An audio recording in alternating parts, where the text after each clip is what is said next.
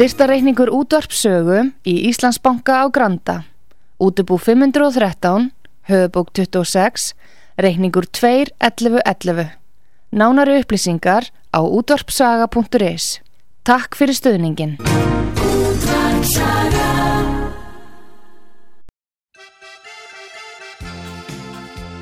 Heimsmálinn í umsjón Pétur Gunnlaugssonar. Fréttir og fréttatengt efni af Erlendum Vettvangi.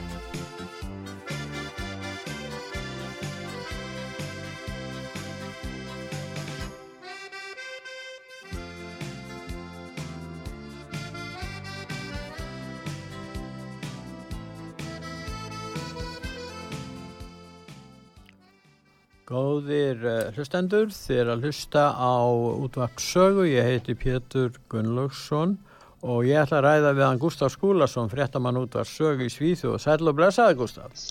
Já, marg blessaði Pétur og hlustaði sögu. Nú við ætlum að eh, spila lag í lokin uh, sem ber heitið Allt er til sölu, aðeins peningarnir eiga rétt á sér. Ég menna þetta kannski vel við í dag. Já, og sérstaklega við komum minna á uh, sölu á líffærum lifandi fólks. Já, það er allt til sölu. Sem er stóriðinaður í Kína. Já, við ræðum þá eftir. Já, einmitt. Nú við ætlum að byrja á lofslagsmálunum og hérna, nú uh, það er þannig að uh, þetta stríð sem að hefur nú geysað þarna, innrásinn í, í, í Úkrænu, hún hefur svona Já, opnað umræðu um, um lofslagsmáli. Nú er það þannig að stríð leiða til mengunar og alls konar vandamála þannig ef menn vilja halda hérna, umhverfinu í góðu horfi þá er aðal markmið ætti að vera stöðva stríð og komið vekk fyrir slikt. Já, það er nú það sem að margir umhverfismenn og konur segja Já. og eh, þetta rætti Tökki Karlsson, hann sem er nú þekktur hérna eitt vinsalesti fréttamaðurinn í, í bandarækjunum hjá Fox News. Hann, hann var með þetta sem að hann gaggrindi bæten mjög harkalega, bæten er með, með svona græna sko, orgu skipta fjármál áætlun sem hefur verið að koma í gegnum bandaræska þingið. Og hann taldi að ásaka bæten stjórnina í bandarækjunum fyrir að vera nota stríðið í Úgrænu og aðra umhverju sína, nota stríðið í Úgrænu til, til þess að, að búa til reygtjald svo að maður sæ ekki og geti rætt um það sem það eru að gera í orkumálunum. Og, og, og hann segir náttúrulega, sko, maður finnir fyrir samúð með ukrainsku fólkinu og, og þetta er stríð og fólk þjáist. En, en hvers vegna er það orðið stærsta kastljós fjölmilana, hann er náttúrulega að tala um fjölmilana í bandarækjum og gaggrina það skilur. Og svo er hann að segja það að bætin, hann gaggrinir bætin og umhverju sinna að þeir eru ekki skað ekki Pútin heldur bandaríska ríkisborgara með herra eldneitisverði og öllum þessum refsækjarum því, því að það var eitt af því fyrsta sem að bætin í stjórni gerði, það var að bara stoppa að bandarækjumenn getur notað eigin ólífiberðir sko. Já, en, en síðan er það þannig að saminuðu þjóðunar vilja sko fara að stýra þessu, vilja að saminuðu þjóðunar gegni því hlutverki að vera svona miðstýrt afl sem stýri baráttunni gegn uh, lofslagsvá. Það er, síðan... alveg, það er alveg ótrúlegt, Pétur. Ég, ég bara vona allir hlustendur sögu eh, dókinu aðeins við og, og, og veiti þessari frétta aðtegli. Ég menna, mér finnst það að saminuð þjóðinni séu farnar að hæða sér bara eins og allræðis ríki eftirliðsmálum með íbúum jarðar. Því að Antonio Guterres, framkvæmda stjóri saminuð þjóðina, hann er búin að skipa nefnd núna um lofslagsmálinn, einmitt, undir fórustu fyrfirandi umkvæðisráðara Kanada til þess að tryggja það að öll enga fyrirtæki í heiminum, öll enga fyrirtæki öllum heiminum að uppfylli tilskipanir og kröfu saminu þjónum lofslagsmál. En það á að vera fyrir miðja þessa öll, 2050, þá á bara að vera 0, sem sagt, hvað er það, 0, 0 markmið með losum gróðrúsalofteganda. Og ekki nóg með það heldur á að koma á skriffinskulegu kerfi það sem að saminu þúrna geta krafist þess af öllum borgum í heiminum, öllum sveitafylgum í heiminum, öllum lénstjórnum í heiminum og ríkjastunni heiminum að þau sendi skýslu um lofslagsmálinn til saminu þjóðana og ef þau gera ekki þá er þetta að breyta um refsaðgerðin. Hvað er þetta, Pítur? Já, þetta heitir alþjóðavæðing, er það ekki, Gustaf? Það er nefnilega, það, það er nefnilega, það, ég, ég, sko, mér finnst þetta að vera alveg, sko, hann segir það, Guterres, það er áriðandi fyrir okkur að sérkvæmt fyrirtæki fjárfæsti borg, ríkjusvæði uppfyllir null lofur sitt, sko, og svo er hann rekord náru fyrir því, já, já, fólk á að þóla hækkandi orkuverð, það sem að jarðefna elsneiti, það er brjálæðis valkostu sem að ógna lofslagsmarkmiðum að heimsvísu. Halleluja, sæminnið þjóðuna. Ég var einmitt að lesa grein í, í mokkanum, það er eftir hann Þorstein Sæmundsson, hann er nú stjórnufræðingur og hefur oft talað mjög skinsamlega um þjóðfélagsmál. Hann alltaf bendir á það að orkun okkun íslitinga stiðst eh, nánast eingöngu við endur nýjarlega orkugjafa, við erum með græn orkuna og það eru þetta aðra þjóðir sem eru eiginlegu sökudólkar í þessu. Og við orkunótkun, heildar orkunótkun á Íslandi er aðeins 3 gigavött og, og þess vegna er því alveg algjör barnaskapur og sjálfsblekking að ímynda sér að ráðstafanir íslitinga skipt einhverju máli og, og það er nú það sem er því að þetta er aðal mál fórsýttisráðra sem hún er að tala um hér hjá okkur. Já, hún eh, hleypur bara erinda alþjóða sinnana, globalistana og því að þetta er alþjóðil kerfi því að það er sko á að vera eins og maður sér núna með þessum eh, tilum saminu þjóðana eða bara krömun þeirra að þeir allir stjórna eftirlitunum með framkvæmd á grænu orkunni í öllum heiminum. Og, og fyrir hverja, það er enginn sem hefur kosið á til þess þetta er eitthvað sem þeir eru að gera svona nýtt og það er alltaf þessi ósýnilega heimstjórn á bakvið þá. Þeir segja ekki frá því en það eru ólíkarkandi sem eru að taka yfir öll, alla orgu alls einsins yfir á sitt borð. Og þetta fær svo hlægilegar fáranlegar útkomi eins og til dæmis í Þískalandi þá var, var hérna, þróunar á þeirra Þískalands, Sósaldemokrátin Sveja Súlse, hún kom, kom með þá snjallraði sem við myndum núna um daginn, mm. að ef að þjóðverja minguðu, sem sagt, hægt að bora kjöt 30%, þá var hægt að auka, sko, fá 5 miljónir, rækta 5 miljónir hektara, eða nei, 5 miljónir tonna af korni á 1 miljón hektara sem að eh, var hægt að losa og þá er hægt að bæta hungusnegin í heiminum sem sagt ef við hættum að borða kjöt þá að vera minna hungur í heiminn. Já, þetta er, eigum við þá að gera, verða þá grammerítisætur eða? Já, já, hún myndist ekkert á það, það er Nei. kannski öðruvísi næringarefni í kjöti heldur en í grænmeti. Já, já við eigum bara að bara borða grænmeti og, og, og þú veist, lirfur og svona flugur og fyririldu og eitthvað svo list. En, en hvað með dýrarík, allt sem við fáum, næringurinn sem fáum við dýrarík, hvað verður við um það? En það eru fleiri tillegur sem eru með. Nýjasta lofslagstillagan er svo að það færi fram svo kallar grænar jarðarfarir. Þannig að, að hérna í staðan fyrir að menn jarði líka eða það eru brend, það má ekki eins og brenna þau, þá verður, verður líkonum breytt í mold. Hvað segir þú þetta? Já, þetta var aðtiklisverð frétt hérna sem kom frá hérna, Frans 24. Ég kalla þetta terramasjón það er, það er moldun á íslensku sko, því að þá er hægt að spara uh, út, sem sagt að maður sleppi út gróðu lofthús að tegum 90% ef maður hættir að brenna ættingana líkin já, já. Og, og, og moldu þau í staðin sko Já, hérna, ég bara, þetta er orðið að tísku nú í bandaríkanum, það eru margir sem gera þetta og það er viðtal á heimasíðu sögu og viðtal við Mick Truman sem var molda líka, tekur eitt mánu, það eru settar einhverja að mold, hann opnaði svona játkistu hún er fyllt með mold niður til svo líki sett ofan í og svo settir einhverja bakturur í þetta og þetta er látið gramsa og hit, hitna upp í einhvern ákveði hitta og það tekur mánuð. Eftir það geta ættinginni komið bara að tekja moldina sko. það er engin aska það mold en þá er hægt að fara með að gera hvað mál gera við moldina, jú það er kannski hægt að rækta karteblur, það er hægt að rækta blóm það er hægt að gera hvað sem er í moldina. Þannig að þetta breyta kirkjögörðum í karteblugarða í raun og verð en ég meina ég er bara að reyna að skilja hvað er eiga sér stað.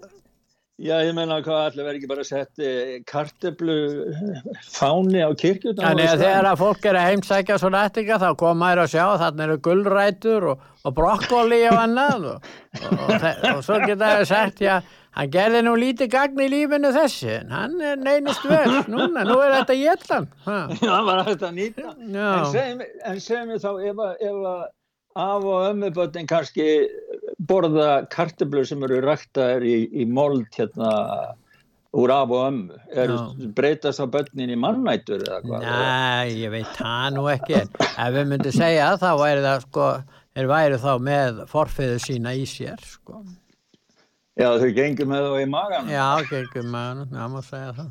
En þetta er aðtiklisvert og það er spurningir, en það hefur farið fram umræða um það að kirkugarðar taka svo mikið plás Já. og þess vegna vildu nú koma fram og þess vegna var farið að brenna fólk í meira mali, eða líkin þetta er sagt. Já. og já, en, en nú er komið nýleið og við skulum sjá hvort að það sætt að tengja þetta þannig að þessi starfsemi þá mun heyra framvegis fram, fram, fram, undir matvælar ráðuneytið og og mat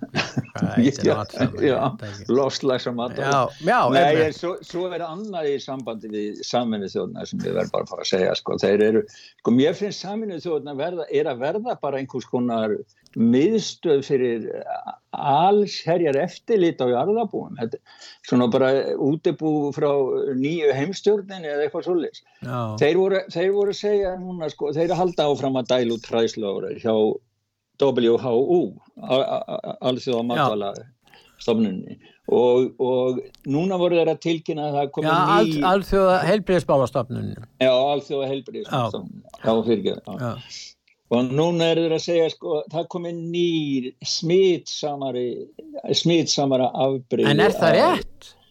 Ha?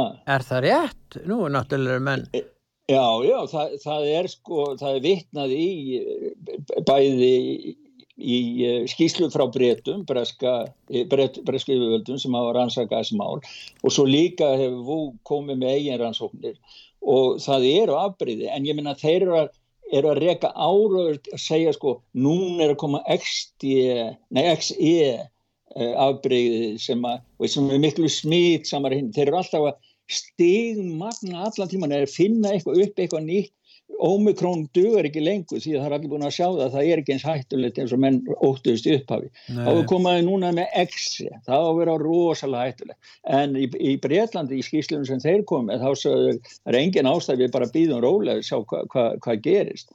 En svo, er, svo, svo, svo hótaði með því það dugar ekki að sé X-i þá líka vera XD og eftir XD á að koma XF og ég bara spyr mér sko hvaða, hvað ætlaði er að taka mörg stafar og hérna á jörðinni fyrir þetta alls. En nú hefa heilbíðsröðvöld á Íslandi, Gustaf, ekkert minnst á þetta afbreyði. Ég hef ekki hert um það. Nei, þá eru þau bara... Þau, hefur þetta verið rætt í Svíþjóð? Hefur þetta, hefur þetta afbreyði verið rætt um í Svíþjóð?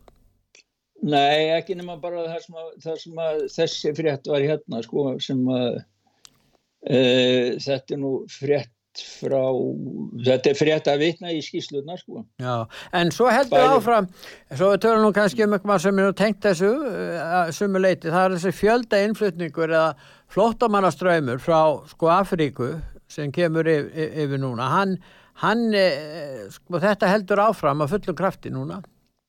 Já, það er, það er, og þetta er eitt líka, eitt líka sem að samiðið þjóðnir með. Það var David Beisley yfir maður matvæla áallunar samiðið þjóðurinnar og hann er bara að hóta löndum í Evrópu, okkur hérna í Evrópu, hann segir það bara, ef þið stóru auki ekki og borgi fleiri miljardar dollara meira í þróunarnastóð til Afríku og miðusturlanda, já þá bara vofir yfir bara viti á jörðu það er orðið sem kemur frá þessum manni. Víti á það er þið bara að... þjóðflutningar frá Afríku yfir til Evrópu þá. Já það, það hlýtur að vera það sem hann er að meina. Því hann er að hann segir það að það sko hann bara hann hóta því ef að þið ríkistórnir Evrópuríkja hækki ekki aðstóðum fleiri miljardar dollara til Afríku. Þá bara verði bara víta á jörði því þá munir fólks, það verið fólksflutninga kreppa, munir bara allir frá Afríku koma yfir til Evrópu. Hann er að hóta, búist við því að það verði, með, sko hann segir, ef við vannrækjum norðurluta Afríku, þá mun Norður Afríka koma til Evrópu. Ef við vannrækjum miðusturlönd, þá munir miðusturlönd koma til Evrópu. Hver er þessi maður að geta svælt svona? Hvaða maður er þetta eiginlega?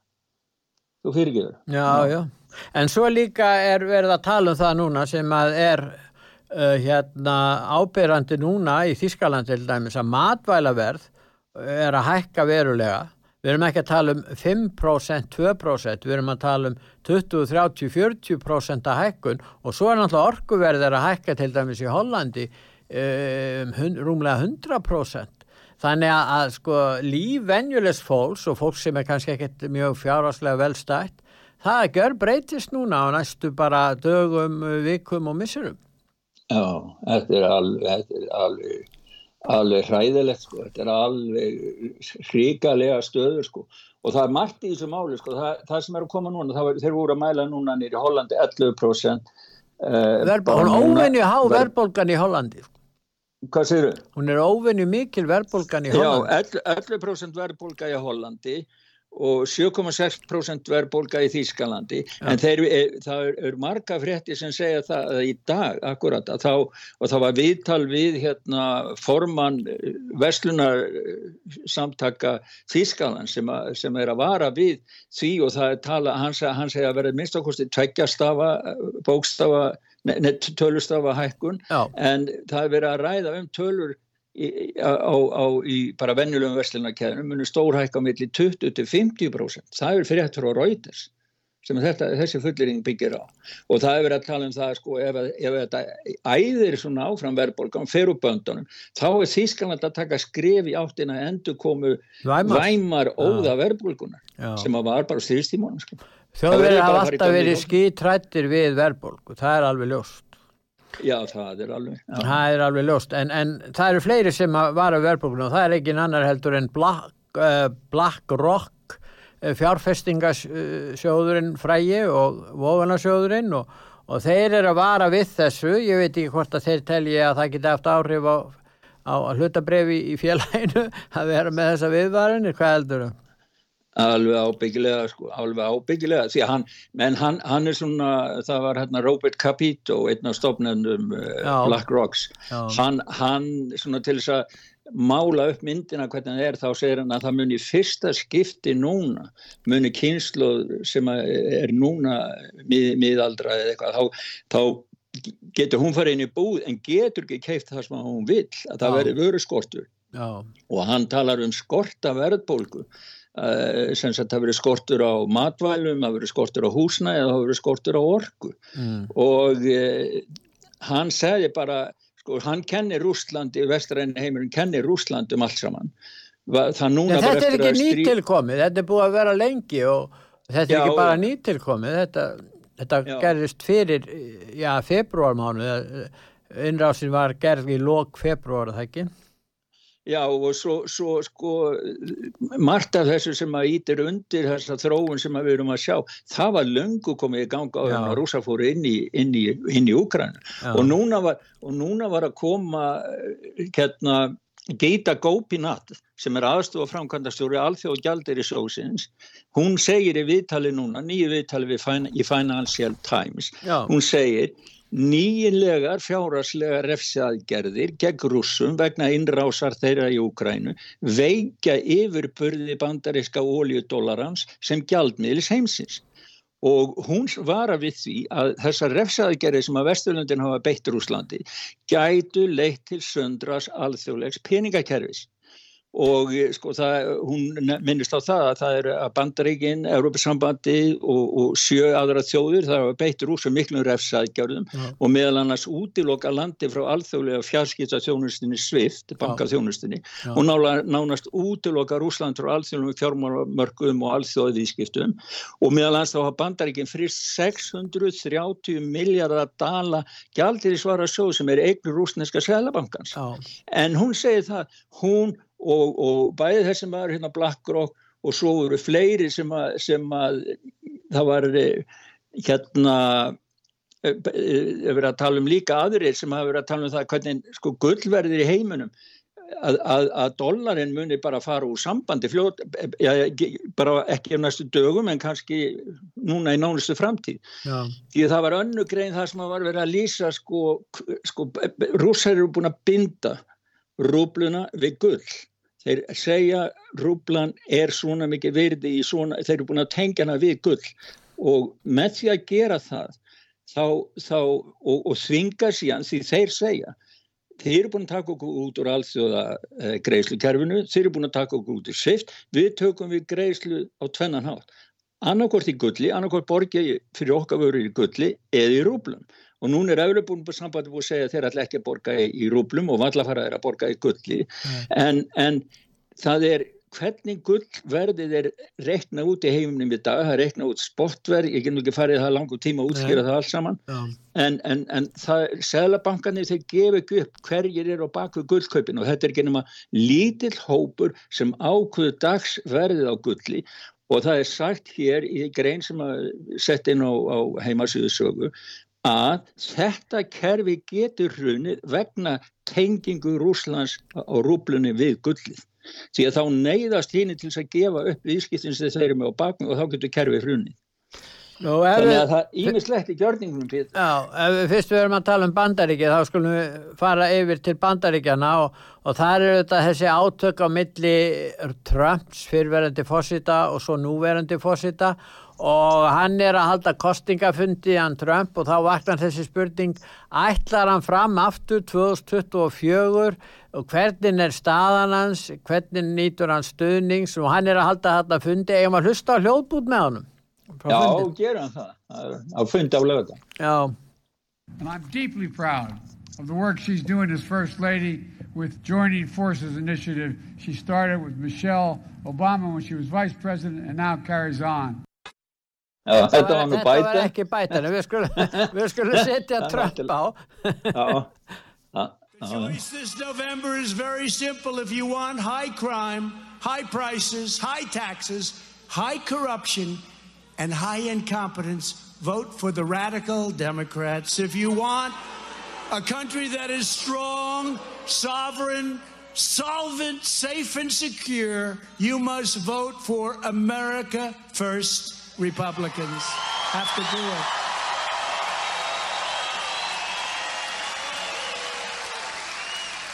Já, hann allar í frambóð virðist vera núna, en hann er allar hugsa um þessar þínkostingar sem er verða núna í november byrjun. Já, já, hann, er, já hann er að reyna að, að stiðja þá republikana sem að hann svona vill stiðja að þeir ná í kjöri og felli meiri hluta demokrata. Það er náttúrulega nöymt en, en það gæti farið svo sérstaklega vegna þess að mikill meiri hluti bandaríkja manna telur að landið bandaríkinn séu bara rángri leið og vinsældir bætin eru bara að fara minkandi.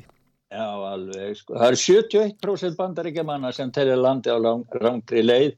Það er nú alltaf verið að gera, gera svona, eh, hvað ég voru að segja, aðtúanir. Já.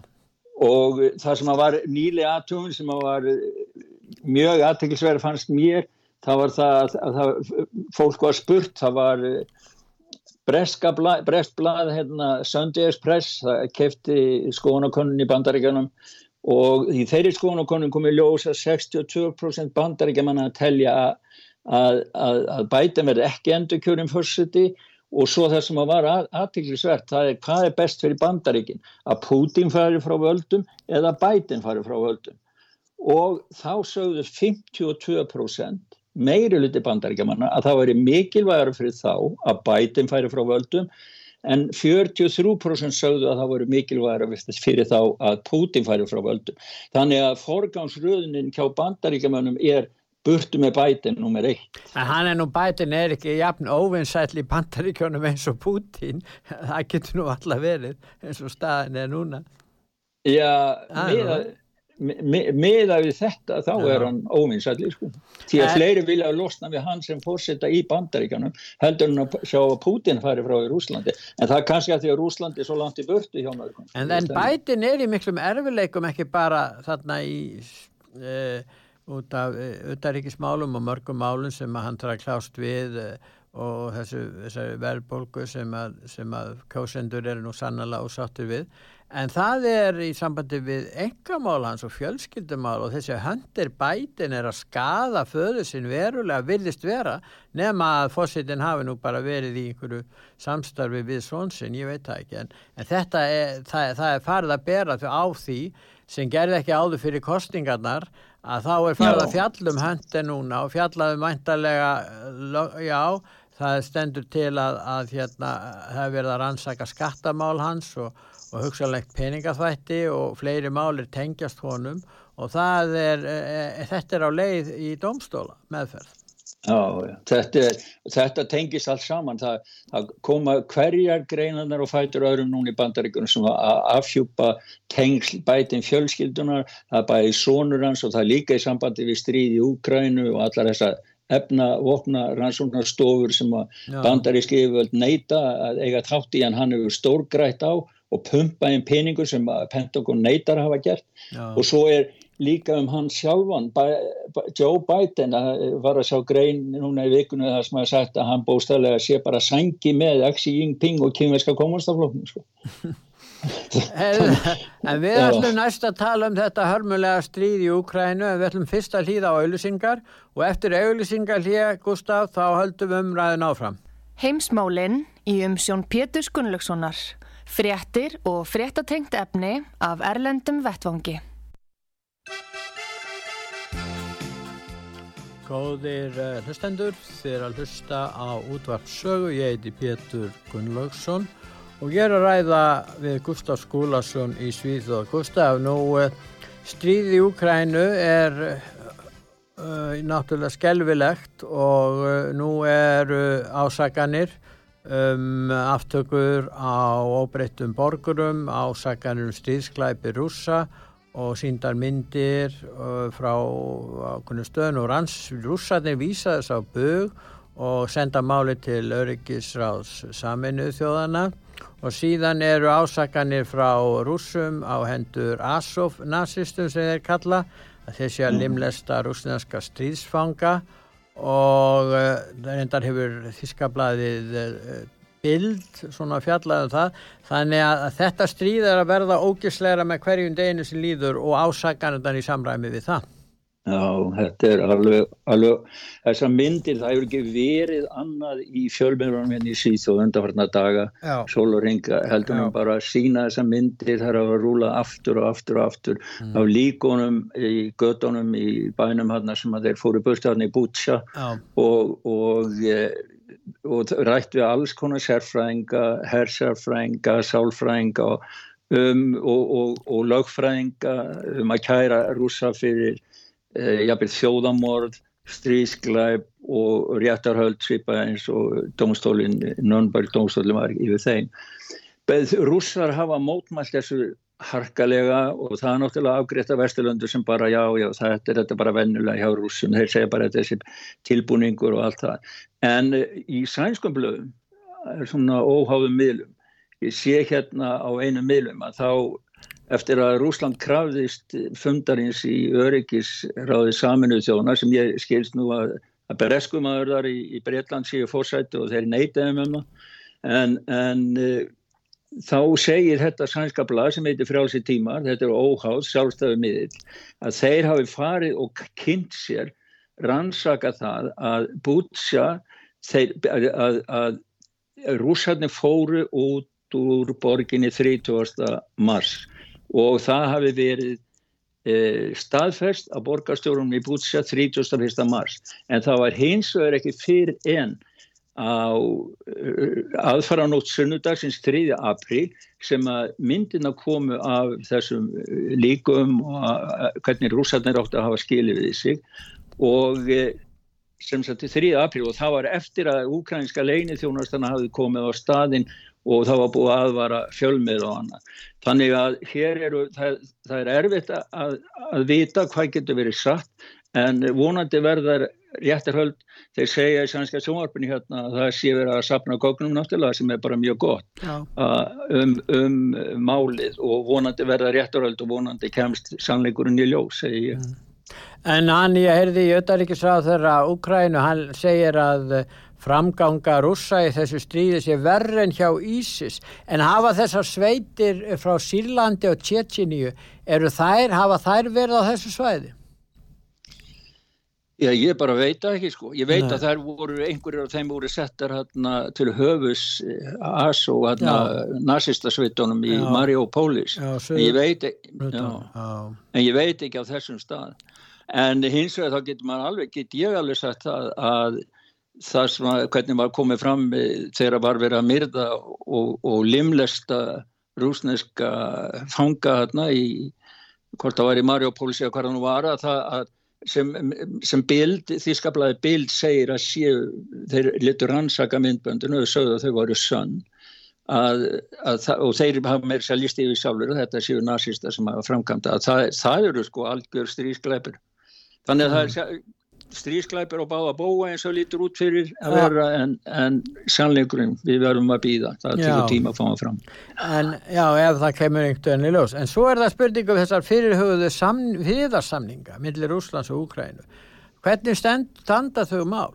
Þeir voru mjög bjarsínir þarna fannst mér á lögadeginum og, og jafnvel fyrir á pöstudegi lögadeginum svo hefur ekki teist meira, ég meina þeir voru að tala um það rússarnir að þarna væru svona ukrænumenn með tillögur sem þeir gæti svona skoðað og, og tekið þátt í að reyna að ná samkúmulægjum en nú bara spurningin eh, hvað segir þú um þetta Gustaf? Vitu við eitthvað meira um, um þessar friðar umleitanir eða friðar viðræður?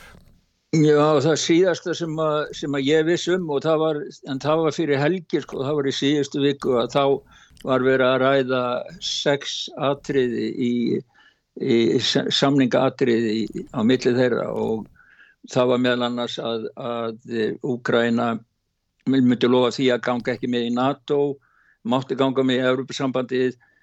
Það voru nokkuð svona atrið og, og krím tilherði Rúslandi viðkenning á því en að öðru leiti virtist að vera svona e, nokkuð skona fannst mér hlutlaus samningur sem eiginlega miðast bara því að nærvera rússa í allavegna yfirtakar og krím var viðkend og nærvera þeirra í Donbass og jáfnvel að löndins að, að, að hérun Luhansk myndi ganga inn í Rúsland en, en hvar málinn standa akkurat núna ég, ég veit ekki, mér sínist ekki að Já, Selenski finnst mér leik, leiku tveimur skjöldum.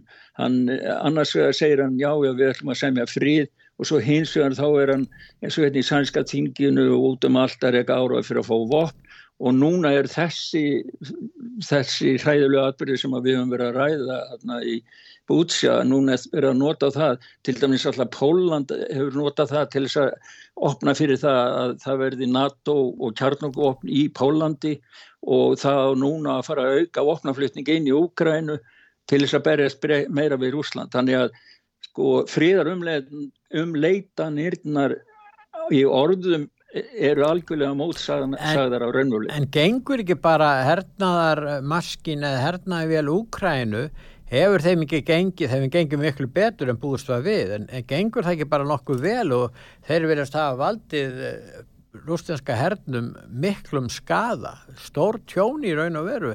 Þeir eru að tala í heyrði mjög háar tölur um mannfalli, maður veit hann alltaf ekki nákvæmlega en En, en samt er það nú þannig að stór hluti rúsa verið að styðja Pútín fyrir... Já, það er, það er sko stríðið í Ógrænu hefur þjappa rúsum í kringum, kringum Pútín. En svo gerist í styrjöldum til að byrja með þegar skilur svo fyrir allundafæti, já, þetta er skrítið sko.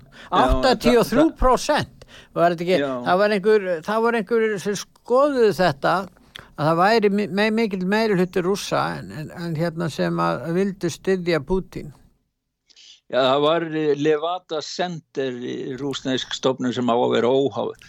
Gerði skoðanakönnun og, og eftir ára þá hefur stuðningu rúsa sem þeir tölur við stóru aukist sko.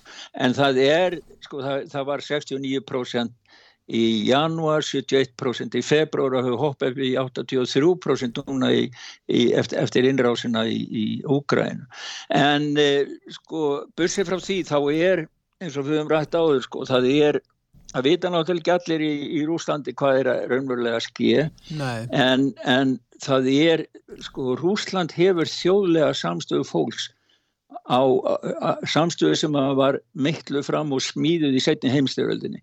Við skulum ekki vannmeta það.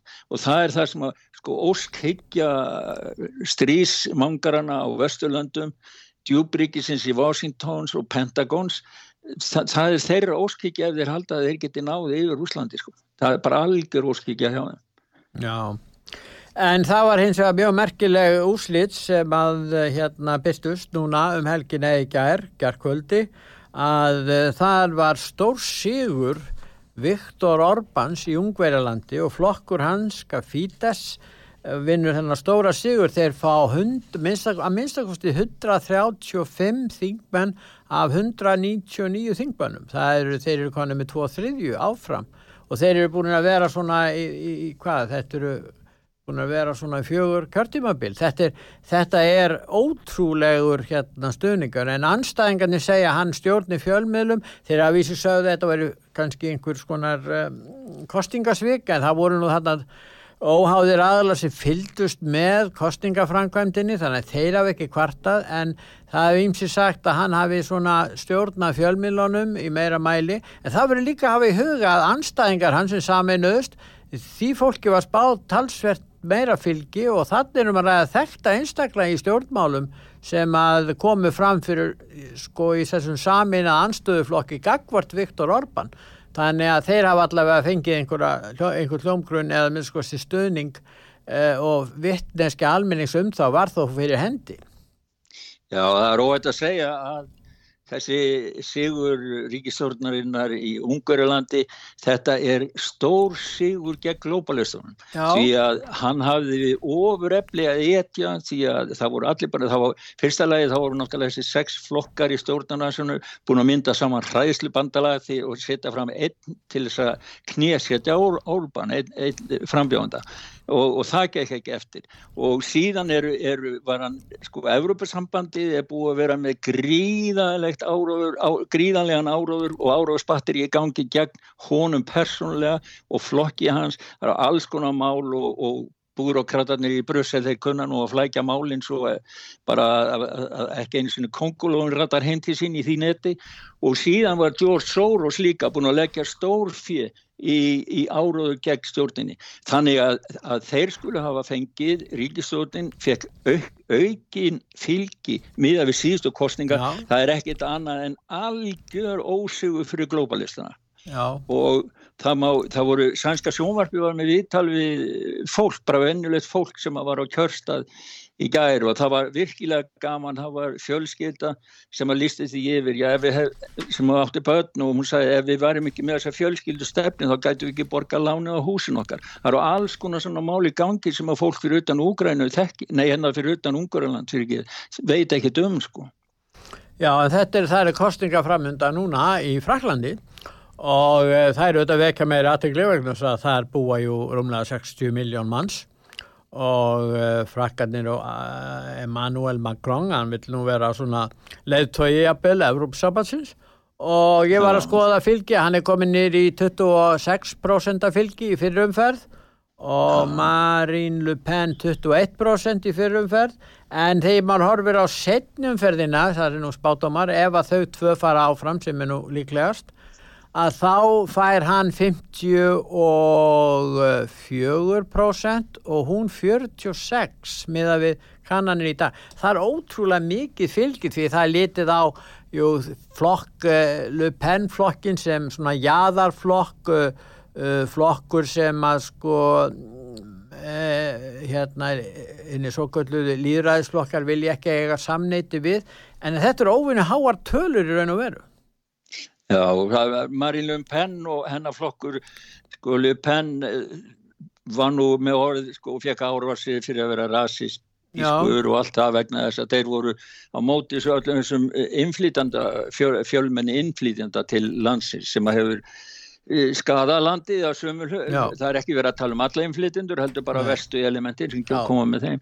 En, en og hún hefur skilst með tóna nýður og meira lagt áherslu sko tóna nýður þessa hlið og meira lagt áherslu á efnagsmálin og, og e, sem sagt kjaramál fyrir almenning og, og aldraða. Og það segja, segja fréttaskýrendur að sé uh, skýringarnar á baku það að hún hennar möguleika séu vaksandi að, að það sé bara ekkit út sem er það hvort að hann siti áfram en það er ekki bara hún í fyrirlut en það er annar maður sem heitir Erik Simúr bladamadur og hann er ennþá hardar en hún í, í þessum málum sem að hún var uppalega mjög þekkt fyrir og hennar fadir og Já. hann er með 11% fylgi líklega og það fylgjum við auðvitað að kjósa hann í setnumferðinni, það likur ég um uppi. Þannig við erum að sjá þarna 32% fylgi frá þessum tveimur eða miða við þessar kannanir sem er að koma núna. Og Já. síðan er spurningir hvernig það verður en það er eins og það er líka alliklisvert að, að borgarstjórin í París sem er sosialisti, hún er í frambúði henn er spáð 2% fylgi í fyrirumferð, það er nú ekki mikið Nei, það er ekki mikið. Ha, þannig að en sósílistandi muni kjósa auðvitað Macron, þessi 2% fara þáka, en það er svolítið sláandi hvað, hvað mikil upplöst er og, og, og veik, veikleikar eru á vinstri vang stjórnmálana í Fraklandi. Já, allir, já, það hefur, sko, frakkar og, og gulvestungarnir hafa nú haft mikil áhrif á stjórnmálunum í Fraklandi og bara venjuleg, venjulegt fólk að, og það er nú það sem er nú grundöllun í í, í kjöróðum Frakland sko, frelsi, jafnbreytti, líræði og bræðralæði, allt þetta sem þeir segja nú. Og hérna og ég man nú ekki alveg hvernig það var en það er allavega líðræði og þeir eru vanir að standa saman sem þjóð og það, það kemur í gegnum þetta allt saman. Og ég, það verður mjög spennandi að fylgjast með þessu. Við fylgjumst vel með því Já, þetta og við næsta mánudag þá getum við vita það, er þetta ekki 10. apríl, ég held að fyrir hlutin og svo Setni umferðin svo... fer fram uh, eftir halva mánu þá. Þannig að við fáum að sjá hvað þetta er, þetta verður mjög aðtilsvægt, en það er eitt mál sem við verðum að ræða um sem er alveg skelvilegt mál. Það er þessi líffærabanki og það er mannlegur. Eh, líffærabanki til dæmis og líffæra yðnaður og tengist jafnvel fangelsum og öðru í Kína. Þetta er, það er einhver, það er að vera fjallu um þetta og og meðferðina til meðan hans á, á meðlumum í þessum trúarsamtökum Falun Gong. Uh, hérna nú er spurningun um heimildir þetta er náttúrulega þegar menn fjallum svona svag, uh, skelvileg mál þá þurfur þetta heimildirna að verða góðar Já og það var viðtal við sko það er blað sem heitir The Epoch Times Já. það var blað sem var stofnað af kýmverum sem að vildu koma upplýsingum til sinna landsmanna til kýmversku þjóðurinnar sem að væru ekki undir stjórn kommunistaflokksins ekki sem sagt kommunistaflokksfrettir Var þetta frá Hong Kong? Voru þeir frá Hong Kong? Eh, ég veit nú ekki alveg hvað, ég heldur að við erum bara frá innlandinu og sumar hafa flúi sko, sem hafa stopnað þetta, ég veit ekki hvað, ég þarf að kynna mig það betur, en allavega það var viðtal við ríkstjóra sænska útgáðu blasins, þeir eru með þetta í 30 löndum, þetta var stopna árið 2000 og þeir gefur blæðið 30 löndum á meirinn 20 tungumálum, þannig að þetta er alveg rosalega stór fjölmiðl og þeir tímariti hefur tengsl við andlega kýmversku fálu góðan greifingarna og hann segir það eh, hann er sjálfur vinnur þessi maður hérna í Svíþ og þetta er Sopundinis hann, hann er Vasilio Sopunidis heitir hann. hann hann er sjálfur vinnur stopnanda tímaritsins og báðir ástundafalum gong. Og hann þekkir þetta mjög vel og hann skýri, segi frá því og það er alveg hríkalegt að lesa þetta. Hann skýri, segi frá því að hundruðum þúsunda falum gong yðkanda er haldið í fangelsum. Og það er tekið blóð og vefja sínu úr þeim og allt er skrásett. Það er sem sagt búið til líffæra skráð sapn yfir líffæri í lifandi fólki sem eru haldið í fangelsi. Og svo sagðan ef þart nýja lifur þá getur það samband við sjúkrás í Kína. Það eru auðlis á netinu þannig að þú getur fengið panta tíma eftir kannski tvær vikur en það getur tekið venjulega alltaf tveimur árum á Vesturlandum og hvernig er það mögulegt? Því ef þú vilt fá lifu frá einhverjum þá þarf viðkomandi fyrst að deyja Já. og hvern, hvernig er þá hægt að fá það svona og, og eina skýringi það Til að passa Já, þetta er þetta er alveg, þetta er heil, hann segir þetta er heil yðnar og hann segir það að það séu tröstasannanir fyrir því þetta sé satt mm. og hann segir að sko það er vitta líka í, í rótgóðum dagblöð sem tala um þetta og það hafa nú verið einhver mótmæli hjá bæði þingmannum og öðrum að mótmæla þessu en þetta er mest allt sem bara mjálm í, í, í tunnu því að, því að bevestu veldin þau þór ekki að taka á þessu máli út af viðskipta hagsmunum við Kína, segir hann. Já. Nú, uh, það er, við förum, að, förum til Svíþjóðar, uh, Gustaf, og förum til Svíþjóðar, þar sem þú þekkir um best til, og það er ja. þetta sorglega, sorglega hérna lýsing á Svíþjóð sem er að byrtast uh, öðrum, í öðrum löndum. Það er, Svíþjóð er næst hætturasta land í heimi fyrir konur sem ferðast. Suður Afríka vest. Þetta ja, er alveg mæling. Það, það er Suður Afríka og Svíþjóð hafa slegist um neðsta sæti. eða efsta sæti maður lítur á það þannig. Að Vesturlandi í heiminu núna í, í, yfir ára tög sko. og það voru miklar umræður í byrjun þegar við byrjum að kynna okkur þessi mál og ræða að, að það væri nú át af því að það væri búið að breyta fleiri segðu frá og allt það en, en þegar upp er staðið konur sem er naukað og er get ekki gengið frjálsarum, frjálsarum höfu sér stróki vegna þess að einhver áðurst á þær og misnótið þær. Það er ekki góða auðlýsing fyrir land. Það er ekki góða auðlýsing fyrir nætt land. Og síðan er það með ofbeldi, sko, það er, við erum voruð að taka saman núna í hálfsænska sjónvarpinu og ég verður nú að láta hlustendur út af sögu og Íslendinga bara yfir leitt fá að vita því að það hafa þrísa sinnum til þrísa til fjóru sinnum fleiri verið drefni núna í skótárásum fyrstu þrjá mánuð ásins 2022 heldur en árið 2021 þrísa til fjóru sinnum fleiri verið drefni núna. Þannig að ef einhver er að óska sér þess að þetta gangi niður þá því miður, nei, það gengur ekki niður hérna. Þrísa sinnum fleiri, já. Já, já þetta og hérna Já, en uh, við... Ætlum, þetta er svo sorglegt. Þetta er sorglegt, sko, en, en þetta, mm. við vorum að tala um hérna lífarabankan, þá er þetta náttúrulega gífulegir fjármunir sem að tengjast þessu, þar segja auðmenn vilja kaupa lífæri til að bjarga lífið sínu eða aðstendanda sinna og þá er kannski hasbjóðandi sem að, sem að fer og þú, við ætlum með með, þú valdir lag þarna sem heitir einmitt allt er til sölu aðeins peningarnir eiga rétt á sér og þú veit kannski lesa textan sem er aðeins og síðan setjum við bara lægið í gang Já, það? það er Mára Skokko ég er svolítið hrifin á honum hann er svona, blue, svona soul blues rockari hann syng, þetta lag, þetta fjallar um þetta er nú tóldi gammalt lag en þetta fjallar um það allt sittur sölu aðeins peningarnir eiga rétt á sér Hlutirnir er að breytast en við vitum samt alltaf að allt er til sölu fyrir dollara, jen og pund. Þeir stinga peningunum í vasa þinn og orðin í þinn munn. Ég heyri ykkur í útvarpinu, ég sé ykkur í sjónvarpinu sem snýr og brenglar hverri setningu.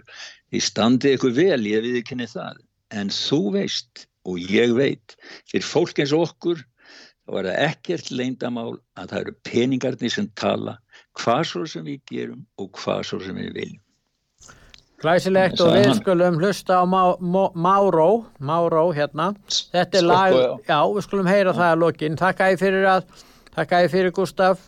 Já, takk fyrir sömulegis, Petur og útvarsaga. Og ég takk að hlustendum útvarsögu en við ætlum að spila nú þetta lag, allt er til sölu.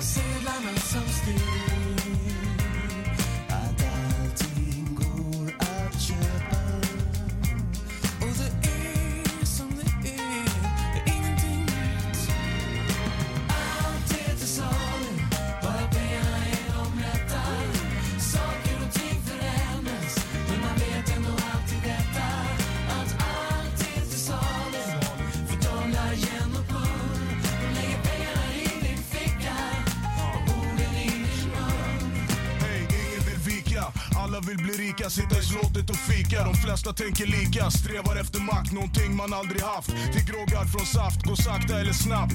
Några lever lyx, de andra går hungriga. Flyr från krig och förvandlas till det kungliga. Bygger en framtid, cashen proppar banken. Politer snackar skit och fyller BMW-tanken. Förklara för mig, vad fan är det som pågår? Svara oss nu, jag tror hela världen har frågor. Ayo Mauro, vi känner av situationen. Allt är till salu om du har den där miljonen. Allt är till salu,